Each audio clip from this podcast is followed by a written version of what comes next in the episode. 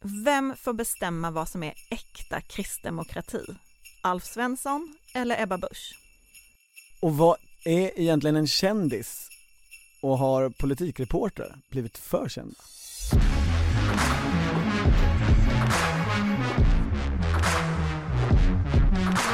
Det här är Politiken med Annie Reuterskiöld, Maggie Strömberg och Torbjörn Nilsson. Maggie, vet du hur länge Magdalena Andersson har varit partiledare? Ja, en månad eller så. Ja men mer, mer exakt, hur många dagar? Jaha, ja men 30-40 ungefär. 42 Mm. är, är det korrekta svaret. Mm. Vet du hur många dagar Alf Svensson var partiledare? Oj. ehm, nej, nej, Nej, jag det- kan inte räkna, det är för många. 11 315 Men då har jag inte räknat med eh, skottdagarna Och det måste ju vara ett antal skottdagar, han var ju partiledare i 31 år Mm. Det är väldigt länge. Det har ingen annan människa i Sverige varit Inte ens Tage Erlander. Nej, bara 23 Ja, okej. Det kom ju en dokumentär om Alf Svensson eh, för en, för en tid sedan på, på Sveriges Television Ja, en väldigt, ehm, ganska hyllad har jag sett i mina flöden. Folk verkar gilla den. Den är lång, den är två timmar Mm. men, men alldeles, alldeles för kort känner man när man ser den Om man är som jag i alla fall Mm. eh, Tänker att det borde varit minst tre timmar Jag har också gjort en liten, liten researchinsats i det här men det tror jag inte de har använt riktigt Okej, du är lite biased. Jag, jag skrev ett PM eh, Mm.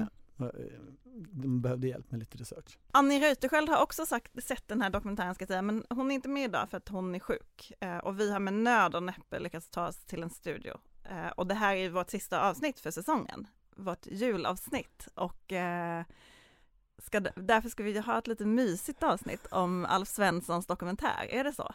Ja men jag tycker att det är något väldigt mysigt med Alf Svensson För eftersom han var partiledare under så många, många år så får man ju med så mycket av svensk politisk historia Mm, när man, i hans berättelse och i den här dokumentären det, Verkligen. det börjar ju liksom på 60-talet 64 när, när Kristdemokraterna bildas eh, och, och pågår ju ända fram till 2004 hans tid med partiet Ja, och det är väl det som jag tyckte var mest slående när man eh, tittade på den här dokumentären, liksom de omvälvande samhällsförändringar som var i Sverige under den här tiden, hur mycket samhället faktiskt förändrades. Inte minst då i familjepolitiken. Och ibland, ibland tycker man ju att allt är som det är och man är så kortsiktig i sitt politiska tänkande. Men Alf Svensson har ju också personifierat det där med att det finns goda tider och dåliga tider för ett parti. Alltså de var ju faktiskt inte första eh, parti att komma in förutom de gamla etablerade, de som var med liksom från 1920-talet. Utan Miljöpartiet slog de ju eh, med en mandatperiod. Just det. Miljöpartiet kom in 1988, Kristdemokraterna kom in först 1991. Sen, men då hade ju Alf Svensson redan suttit själv. Ja, 1985 så kom ju Alf Svensson in eh, genom det här valtekniska samarbetet med Centerpartiet. Så det är enormt många år när det här partiet befinner sig utanför riksdagen.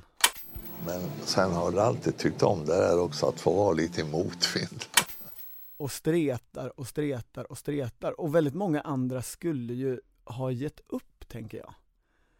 Men det gör ju varken Alf Svensson eller partiet. Partiet bildas ju då 64 och han blir partiledare 1973.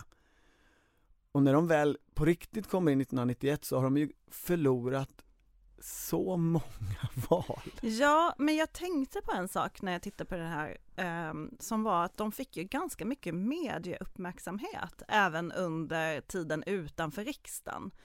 Eh, om man jämför med de partier som försöker komma över spärren idag, typ Medborgerlig Samling, Alternativ för Sverige, det går inte att jämföra, det är ju en helt annan värld.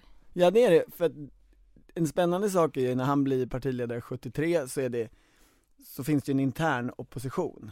Gamlingarna i partiet, kretsen runt Levi Petrus, den, den stora religiösa ledaren som startade partiet 64, de är egentligen emot honom, och sen, men han får sånt stöd från, från distrikten.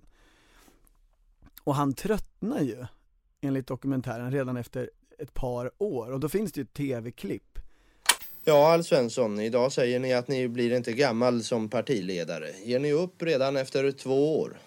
Jag menar att en partiledare ska inte sitta på sin stol allt för länge. Det är inga supermänniskor, i varje fall inte jag någon sådan. Där han gör en intervju och i princip säger att eh, jag ska nog inte sitta som partiledare i det här partiet så många år. Och man undrar Alf ju. Svensson säger det ja. Ja. Efter, efter två år tror jag som partiledare. Idag skulle ju inte en sån tv-intervju göras Nej. med en partiledare i ett parti som möjligtvis har representation i något, någon fullmäktige församling, men ingenting annat. Och ingen partiledare skulle väl någonsin heller säga jag kommer inte sitta så länge. Alltså det är ju mycket i den här tiden som, det är ju inte alls lika välpolerat som idag. Och det är likadant när de har den här stora internstriden 1985, den så kallade Gillbergkrisen, så är det också otrolig medieteckning. Det är ju väldigt bra fotomaterial i dokumentären eh, för att det helt enkelt bevakades på ett annat sätt. Det som syns mest i dokumentären är ju ett vindflöjelparti. De är ett protestparti mot eh, kulturradikalism på 60-talet och i övrigt under de här 20 åren de försöker komma in så anpassar de sig och ändrar sig rätt mycket. På 70-talet är de jättemot kärnkraft och de är supermiljövänner. De värvar en miljöstjärna, Björn Gillberg, eh, till sitt parti. Och han är super... Inte bara en miljöstjärna utan typ Sveriges största miljöstjärna. Ja, en, en av de absolut största då, och med mest genomslagskraft i alla fall. Och det går jättebra. Eller, eh, det går bra. Men partiledningen har ju insett att de kommer ju aldrig liksom, det händer aldrig någonting, de kommer aldrig över 4%. Så då gör de en deal med det krisande Centerpartiet som leds av Torbjörn Fälldin, som liksom har suttit som partiledare jättelänge och det går bara ut för, för honom. Och han behöver tre procentenheter för att få ett fint resultat. Så då eh, enas man om att göra ett valtekniskt samarbete. Problemet är ju att Gillberg hatar Torbjörn Fälldin för att Torbjörn Fälldin har svikit om kärnkraften. Så han ställer till tidernas bråk om det svekfulla eh, Kristdemokraterna som inte har några kristna ideal och inte står för sina ord och sådär. Och allt detta ska avgöras på en stämma eller ett riksting eller vad det heter. Och där är TV. Och där sitter de här två, Alf Svensson och Björn Gillberg, bredvid varandra på varsin stol och blir intervjuade tillsammans. Och är så jävla förbannade på varandra. Det är en underbar scen i ett underbart politiskt bråk. Jag såg i alla fall, eh, för jag har ju som sagt då sett i mina flöden, eh, den kom ju för någon vecka sedan den här dokumentären, jag har sett många som har hyllat den och sånt här borde SVT göra mer och sådär, men så såg jag att Marcus Uvell, eh, debattören och PR-konsulten skrev idag att den verkar, många som inte gillar Kristdemokraterna verkar gilla den här dokumentären och verkar gilla Alf Svensson. Och det finns ju, det finns ju ett mått av eh, dokumentären försöker jobbar ju väldigt hårt mot att Alf Svensson, Alf Svensson ska ta avstånd från dagens kristdemokrater. Det, det gör de ju. Mm. Man försöker det i slutet av den här två timmar långa episka berättelsen så vill man ju få fram kritik mot eh, migrationspolitiken, migrationspolitiken och kritik mot samarbete med Sverigedemokraterna. Mm. Och kanske Ebba Busch lite som person också. Ja, det försöker man ju, det får man säga. Men jag tänkte på det för jag tyckte att det var ganska intressant. Eh, för Alf Svensson säger ju då så här, jag vet inte om det är jag som ska göra mig till uttolkare av den äkta kristdemokratin, men intervjuaren vill ändå få honom dit och då så säger han väl att nej men han, han tycker inte om eh, den politiken som nu, eh, alltså och pratar specifikt om migrationspolitiken. Men då tänkte jag på att det finns ju en annan scen i den där dokumentären där Alf Svensson tar avstånd från Levi Petrus och vänder i synen på Vietnamkriget mm. och USA. Det upplever man ju som en lite hjältesak att han gör det. Det är ju en del av hans framgång, det är med att skapa honom som den här stora politikern. Mm. Men att Ebba Busch då förändrar partiet eller tar avstånd från ideal som eh, Alf Svensson har stått för, det uppfattar man mer som ett svek när man mm. ser dokumentären. Och då, det, då funderar jag på, också kopplat till liksom ja men som vi, liksom den här diskussionen inom Moderaterna om hur man förhåller sig till Fredrik Reinfeldt, att, att, vem är det egentligen som har rätt att uttolka ett parti? Är det den som sitter på det högsta valresultatet någonsin? Eh, vad skulle Alf Svenssons politik få för valresultat idag egentligen? det är en bra fråga. Vem är egentligen firmatecknare i Ja. ett parti? Det, till att börja med så är det ju spännande tänker jag, den där parallellen du gör. För att när Alf Svensson blir vald 73, anledningen till att Levi Petrus och de där gamlingarna är arga på honom, det är att han har varit ordförande i ungdomsförbundet i tre år och bytt uppfattning själv om Vietnamfrågan och kommit ut som USA-kritiker. Det han har skrivit om Vietnam och Kambodja håller jag inte alls med om. Vi har helt olika syn därvidlag. Jag kan säga så här att jag hittade ingen som backar upp mig. Ingen. Utav de som var pastorala. Ingen. Och det är ju ganska exakt eh, Ebba Busch-berättelsen. Ebba Busch eh, formade en, en annan idé i ungdomsförbundet, blev sen partiledare och drev in den i partiet. Ja, och det man ju också ser i, i dokumentären är ju, eller påminns om, är ju hur avskydd Alf Svensson var som person eh, av progressiva personer, av hbtq-rörelsen, eh, där Ebba Busch ju har ett, ett, ett helt ett helt annat, alltså hon går i Pride-tåget. Hon Ja. har ju förändrat det också.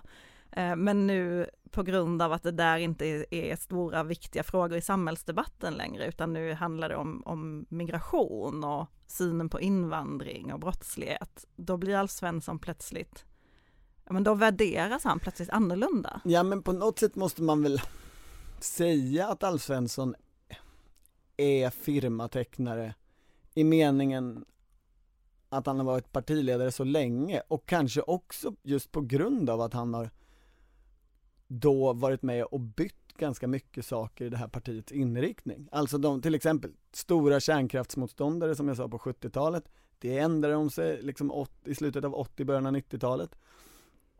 De ändrade ju syn i, i abort. Hur ser man på kristendomsundervisningen idag? Jag tror man, det är en bra fråga för det är det verkligt eh, i sak avgörande skälet till att partiet bildades. Att, att kristendomsundervisningen skulle strykas och man hade en stor namninsamling emot. Fick 2,2 miljoner eh, underskrifter och det hävdar Alf Svensson är unikt i svensk politisk historia. Jag vet inte om det är det riktigt. Ingen aning. Jag menar, Göran Hägglund och Ebba Busch, vet inte hur länge hon kommer sitta, men de är mer som parenteser i det här Göran historia. Hägglund framstår ju verkligen som en parentes. Han nämns inte i den här dokumentären, han syns knappt. Han är ju... Jo, han nämns ju för att det är när de har det här första hemliga mötet Just det, mellan Alf. Svensson och Mm. Torbjörn Fälldin så, så är, gör ju eh, den dåvarande ombudsmannen Göran Hägglund en hjälteinsats att i smyg forsla Fälldin från ett möte jag tror, eh, någonstans i Småland, Växjö typ och till Gränna, hem till eh, Alf Svenssons hus där man den dagen, kvällen fick röka Mhm. Enda gången det någonsin har fått röka, eh, rökas i Svenssons eh, villa i Gränna. Mm. För Fälldin behövde ju röka pipa för att må bra. Kamrater, någon jävla ordning ska det vara i ett parti. Alf Svensson pratar ju också i den här dokumentären, det är ju ett citat från ett eh, tal han höll i sin, eh, när han gjorde sin mest framgångsrika valrörelse om jag minns rätt, då han pratar om att det behövs en våg av godhet. Ja, Ehm, känner du att det, att det inte skulle funka i dagens politiska debatt? det, är ju, eh, det är ju många som idag har svårt för ordet godhet. Mm. Eller ordet godhet, godhet är ju komplicerat. Många ser ju det som, ett, alltså många använder ju det för att håna. Ja, Men jag tänkte på att det som faktiskt finns kvar eh, från den där tiden och det där synsättet är ju biståndspolitiken. Eh, och det blev ju väldigt tydligt i budgetförhandlingarna nu med Moderaterna och eh, vad heter det andra partiet nu? de heter Eh, Sverigedemokraterna. Just det, tack. Vi pratar så sällan om dem, jag hade glömt. Eh, nej men där blev det ju väldigt tydligt att den fråga som Kristdemokraterna absolut inte ville släppa var biståndet. Mm. De, man var inte beredd att eh, göra det och då pratade jag med en av de här budgetförhandlarna eh, nyligen och frågade hur den personen hade tolkat det eh, och tolkat liksom partiledningen kontra partiet och den hade väl uppfattat det som att det var framförallt, alltså det, det var omöjligt internpolitiskt att driva igenom det så här inför valet, även om partiledningen hade velat.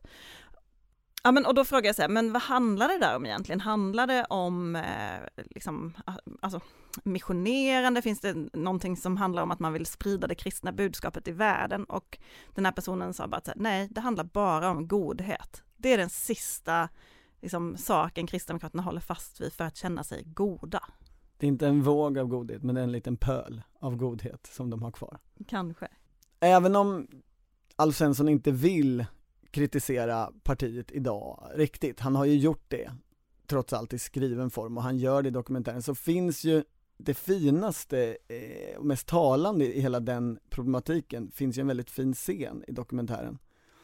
När han är ute och går eh, på stan i Gränna. Min dotter, hon vet att jag gillar dig och alltid gjort ja. det. Och möter en bekant vars dotter eh, har sagt till henne att Alf Svensson grät när Ebba Busch blev vald till partiledare. Är det sant? Nej, det tror jag inte är sant. Det vågar jag inte säga. Nu. Jag vill helst inte prata om det. Nej, jag förstår. Nej. Och han svarar att han inte riktigt vill prata om det. Det tycker jag är otroligt fint.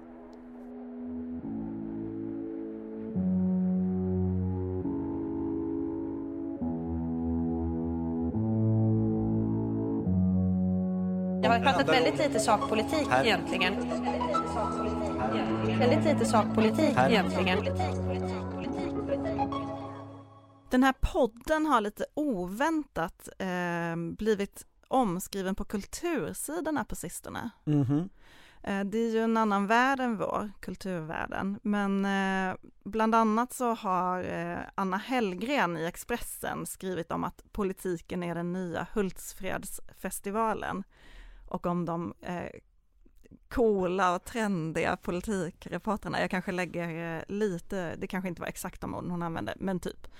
Och Aftonbladets Tone Schunnesson, som ju gör en egen slags politikbevakning på ett, på ett nytt sätt, som kallas för Tones röst, hon hängde ju med oss väldigt mycket på S-kongressen, när Magdalena Andersson valdes, och skrev sen en text om det, där vi också var med, mm. dock anonymiserade. Ja, det var vi. Jag var den som eh, smet ifrån ekonomidebatten för att dricka öl i baren på 23 våningen. En absolut höjdpunkt att bli beskriven på det sättet. um, efter att ha blivit hånad av Anders Ygeman för att jag satt där eftersom debatten var så otroligt lam. Ja, jag är ju den personen som Tone frågar. Hon frågar eh, om, om, om politiker är kändisar för mig. Och mm. jag svarar absolut inte. Och så svarar jag att kändisar ser man upp till. Och så frågar Tone, mm, mer som hockeyspelare då? Och så svarar jag, ja kanske mer som hockeyspelare. Jag känner att den här, den är väldigt bra i texten den här dialogen, men den är ju väldigt surrealistisk. Eh, för jag inser att jag inte vet vad en kändis är. Men jag tror inte jag insåg det när hon frågade, utan jag inser det först efteråt. Alltså, jag tänker att det ändå är lite som kändisar för dig, alltså på det sättet som jag tror att kändisar är för Tone Schunnesson, som ju eh, är författare och kulturskribent, men som också typ twittrar eh, eller instagrammar en del om typ Kardashians och andra amerikanska kändisar som jag har väldigt dålig koll på.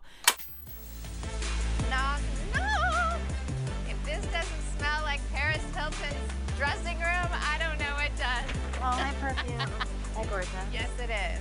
You look so amazing. Men de som följer den um, liksom, Världen? Ja, den, den kulturen, de är ju kan ju otroligt mycket om detta. Vem är ihop med vem? Var kommer de ifrån? Eh, vad har de sagt till varandra i olika sammanhang och hur kan man liksom placera in dem i någon slags här, maktrelation? Jag tror att det är ganska likt hur du tar dig an politiker. Låt, men, men det är ju bevekelsegrunden som är det centrala. I, hur menar du? Men varför, varför tar man reda på sådana saker om olika människor? Jag tar inte reda på det för att de är kända. Oftast så är ju de politiker jag, jag, skriver om eller tar reda på saker om inte så himla kända heller. Alltså folkligt kända. De är ju de små och inte publika alltid. Ja men jag förstår, men jag tror, jag tror att ni missförstår varandra i den här texten för att ni kommer från så olika världar och det är därför, eller i den här situationen som texten beskriver, att det, det är därför eh, jag tycker att Tone Schunnessons politikbevakning är helt briljant för att hon kommer in med helt andra ögon än vad vi liksom dimmiga politikreportrar har och ser allting på ett helt nytt sätt ur helt andra perspektiv.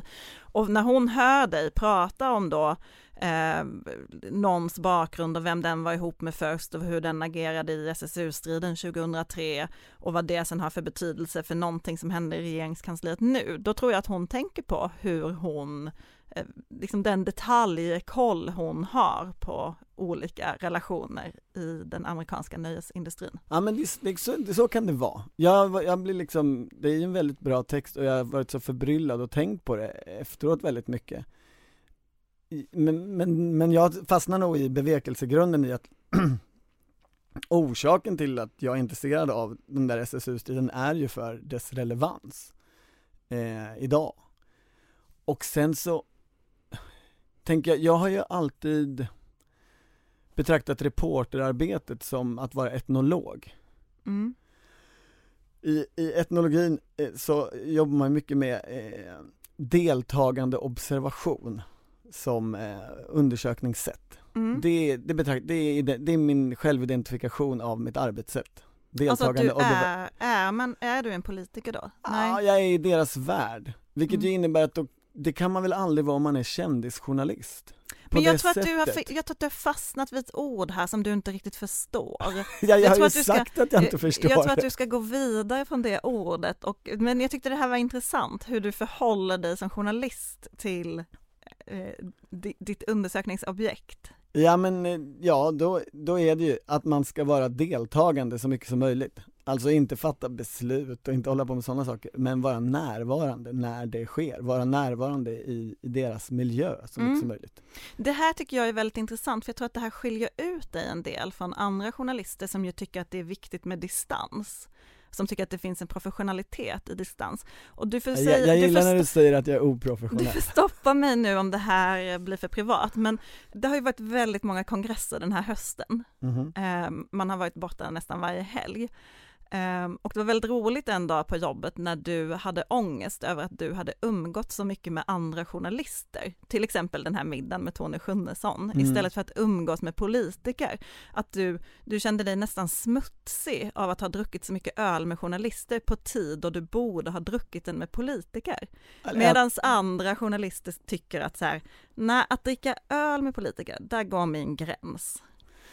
Jag pratade mest om att äta middagar eh, vid det här tillfället, men i det, i där ingår ju gärna öl eller vin och samtal efter maten. Mm. Nej men det, det stämmer ju. Jag, jag tyckte den här hösten att jag ägnade alldeles för mycket tid åt att prata med andra journalister istället för att prata eller vara med politiker. Den professionella distansen upprättas ju inte där. Den professionella distansen upprättas eller förstörs i texten.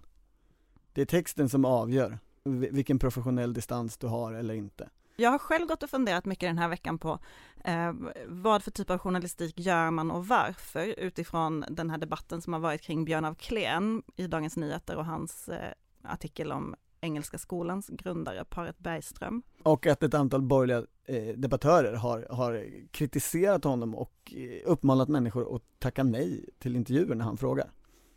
Ja, men då tänkte jag att för mig så är det väldigt, alltså politik, och här tänker jag att kändisgrejen också, alltså liknelsen inte är helt dum med nöjesvärlden.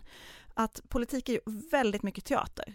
Det är ju mm. väldigt mycket att människor ställer sig på en scen och säger någonting, säger hur någonting är. Så här gick det till, så här, det här tycker vi, det här, här landade vi. Spelar upp roller.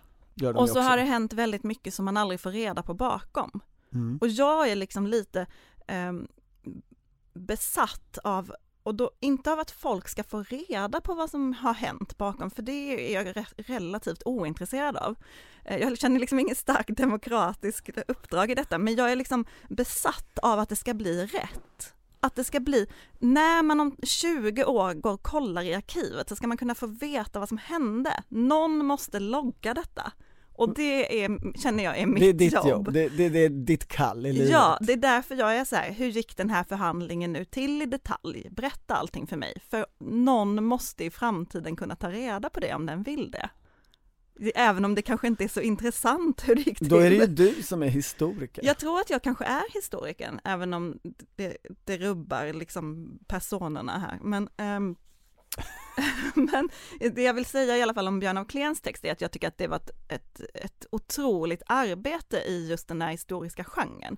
För att om man, om man nu för, inför framtiden bevarar Björns artikel, Mm. Björns kollegers twittrande om den här artikeln när det publicerades, Ja. ledartexterna som skrevs, Ja. både de som var kritiska mot eh, familjen Bergström och de som var kritiska mot Björn af Kleen. Mm.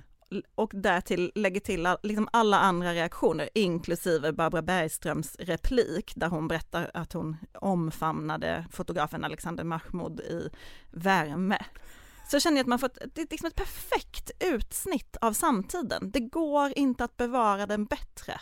Det är Och på- sant tror jag. På det sättet tycker jag att Björn af Kleen är nästan, han är liksom som Lars Vilks, alltså att, att, ehm, och då är att Barbara re- Bergström en rondellhund. Nej men att, att reaktionerna och, och det som utspelar sig efter den här publiceringen är lika viktigt för förståelsen som texten i sig. Alltså helt centralt i det här är ju skjuta budbäraren. När man skjuter budbäraren så, så gör man ju också reporten till, förlåt jag kan ju inte, jag måste använda det här ordet fast jag inte förstår det, till kändis. Man gör reporten till, till huvudfiguren. Och det är ju lite samma sak som jag uppfattat att Anna Hellgren skrev om eh, politiska reportrar och kommentatorer i den här eh, Hultsfredstexten i Expressen Mm. hon, vad hon väl egentligen säger är ju att det är vi som är eh, stjärnorna eller kändisarna eller vad nu, Ja och, skäl för mycket rampljus kanske. ja, och hon har kanske rätt i det, tycker jag, någonstans. Jag vet inte, jag blev intervjuad av tidningen Journalisten eh, om man ska fortsätta det här, vi har varit med i tidningen svaret, så blev jag intervjuad av tidningen Journalisten om eh, just trenden med poddar om politik och Ja. fick då frågan om vad jag såg för problem med den här trenden och det kom jag inte på något klokt att säga vid intervjutillfället men sen gick jag och funderade på det där och tänkte att ja men risken är ju att det blir väldigt inåtvänt, att man är mer intresserad av sin egen analys av någonting än av vad Barbara Bergström gör på toaletten när hon är på en skola. Alltså att man, att man slutar gå ut och Ja, leta mm. och sätter sig framför mikrofonen för att liksom leta i sitt inre. Och det tror jag är, är lite det som Anna Hellgren också skriver om. Du vill slå ett slag för reporterrollen, den traditionella reporterrollen helt enkelt. Ja, Jag vet inte. Är det ett nyårslöfte? Nej, jag tycker det är jätteroligt. Jag tycker det är jätteroligt att göra den här podden, men jag ska ändå fundera över detta över min eh, julledighet. För nu är det eh, slut för säsongen. Ja, Och, och Annie har ju, har ju mer eller mindre krävt att vi ska säga god jul från henne. ja, Så vi börjar med att göra det. god jul från Annie Reuterskiöld. Och sen är vi tillbaka i januari igen efter helgerna. Och Jag önskar också god jul. Okej. Jag önskar god helg.